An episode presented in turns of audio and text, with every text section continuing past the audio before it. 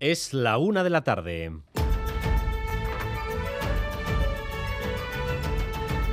Crónica de Euskadi con Dani Álvarez. A Rachaldeón, el Papa Francisco sentencia. La investigación del caso de abusos sexuales en el colegio Gastelueta se hizo mal. Y eso, para la Iglesia, es una vergüenza. La prima cosa que, que dobbiamo sentire è la vergogna, la profonda vergogna. La investigación interna se está haciendo de nuevo. El Papa admite que hay quienes dentro de la institución no ven este caso claro. El propio colegio, como saben, ha defendido al profesor desde el principio. Pero cuando el Papa habla, se supone que todos los demás asienten. El colegio, por ahora, no se ha pronunciado.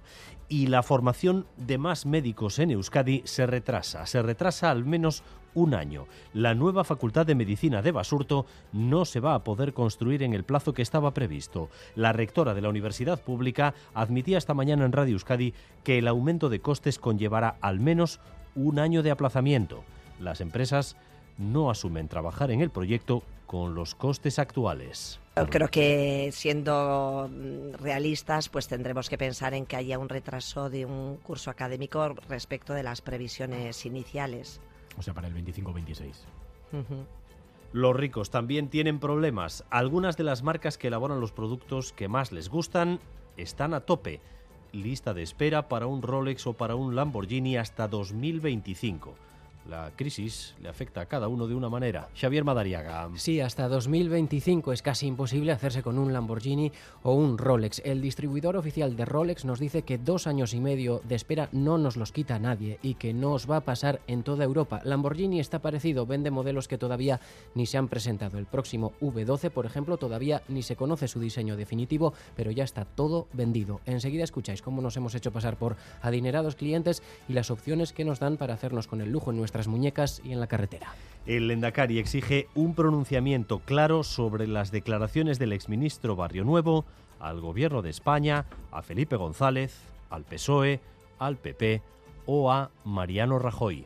El Lendakari ha añadido eh, que sería conveniente que hubiera un posicionamiento público con respecto a esta cuestión, tanto del gobierno español como del Partido Socialista Obrero Español, como de otros partidos que han tenido también responsabilidades de gobierno, como fueron, en su caso, UCD, Alianza Popular, Partido Popular y Mariano Rajoy.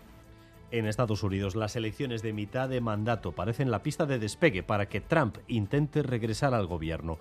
Los suyos están desatados, mientras los demócratas confían en que la gestión de Biden, alejada de histrionismos, les permita mantener la mayoría. Óscar Pérez. Son las elecciones de midterm o medio mandato que más expectación han generado en las últimas décadas. La inflación le puede pasar factura a Biden y los demócratas que pueden perder el control de las dos cámaras del Congreso o quedarse solo con el Senado. Pero además en estos comicios, los primeros después de la derrota de Trump y el asalto al Capitolio está por ver si los candidatos republicanos aceptan las derrotas si éstas se producen o hacen como hizo Trump. El investigador del Instituto Elcano, Jorge Tamames, advierte de que la propia democracia está hoy en juego. Una cosa es que una persona crea en teoría de la conspiración, otra cosa es que lo haga un representante institucional y muy posiblemente nos encontremos con que después de estas elecciones lo hacen personas que eh, son responsables del aparato legislativo en cada circunscripción de Estados Unidos, que son los estados. Por lo tanto, sí, hay un riesgo de una involución democrática. La Casa Blanca ha advertido además que en muchos estados la diferencia puede ser tan estrecha que contar, confirmar los votos y al ganador puede necesitar varios días. Satisfacción entre los profesionales del Hospital de Basurto tras la paralización judicial del traslado de cirugía cardíaca a Cruces. El gobierno presentará sus alegaciones ante el tribunal porque insiste en que la gestión de este tema le toca solamente al Ejecutivo y no a los jueces. Nosotros entendemos que es eh, bueno para Basurto, para el servicio de cardiología, para otros servicios implicados y también para nuestros pacientes. Que es al gobierno a quien corresponde adoptar este tipo de decisiones y hacerlo respetando el procedimiento establecido.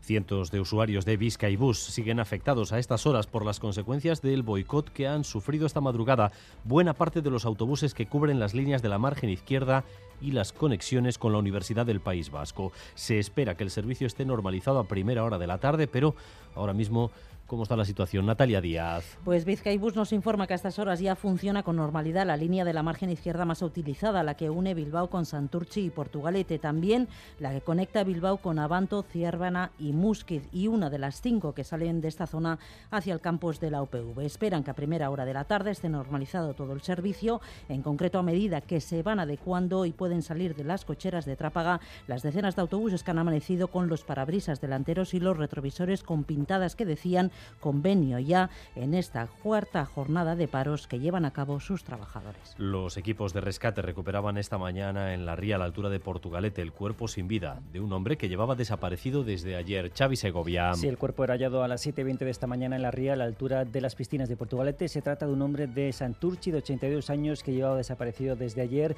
Al parecer tenía previsto acudir a una consulta médica en el hospital de Cruces, pero nunca llegó a ella.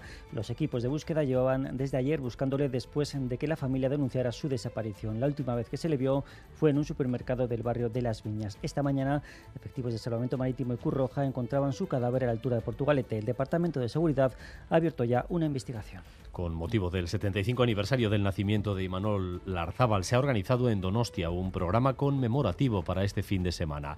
En la Casa de Cultura de Lugaritz se proyectará el viernes el documental Imanol Azken Concertua, dedicado a la vida y trayectoria del cantautor. Y el sábado se celebrará un concierto en el que estarán, entre otros, Amaya Zubiría, Olat Salvador o Josian Goicoechea. El acordeonista decía sobre su amigo que fue una voz que conmovió a toda una generación. Esa voz que al principio nos parecía tan peculiar y especial, canciones que surgen de la adaptación de la poesía euskalduna a la música, un género en el que Imanol ha sido, yo creo que mm, con mucha distancia al resto, el mejor en cuanto a calidad y en cuanto a cantidad. Y vamos también con lo más destacado del deporte con Álvaro Fernández Cadierno. Arrachaldeón, Álvaro. Arrachaldeón en martes de Liga en Primera División a las 8 Atlético Valladolid con Munián y Herrera a las órdenes de Valverde y a las 9 y media una Barcelona. Llega el líder al Sadar, pero tenemos al Chimi que, está, que se sale además del fútbol. Dos citas más de esta mañana. Presentada una nueva edición del AVE Vía San Sebastián. Se corre el domingo y también elegido el material para la final del 4 y medio de promoción del sábado en el Labrite entre Salaverría y Equiguren. Durante la tarde continuaremos con un ambiente similar al que tenemos ahora mismo, con cielos muy nublados que podrían dejar alguna precipitación dispersa, sobre todo en el interior, y con viento sur, viento que irá perdiendo fuerza a medida que pasen las horas.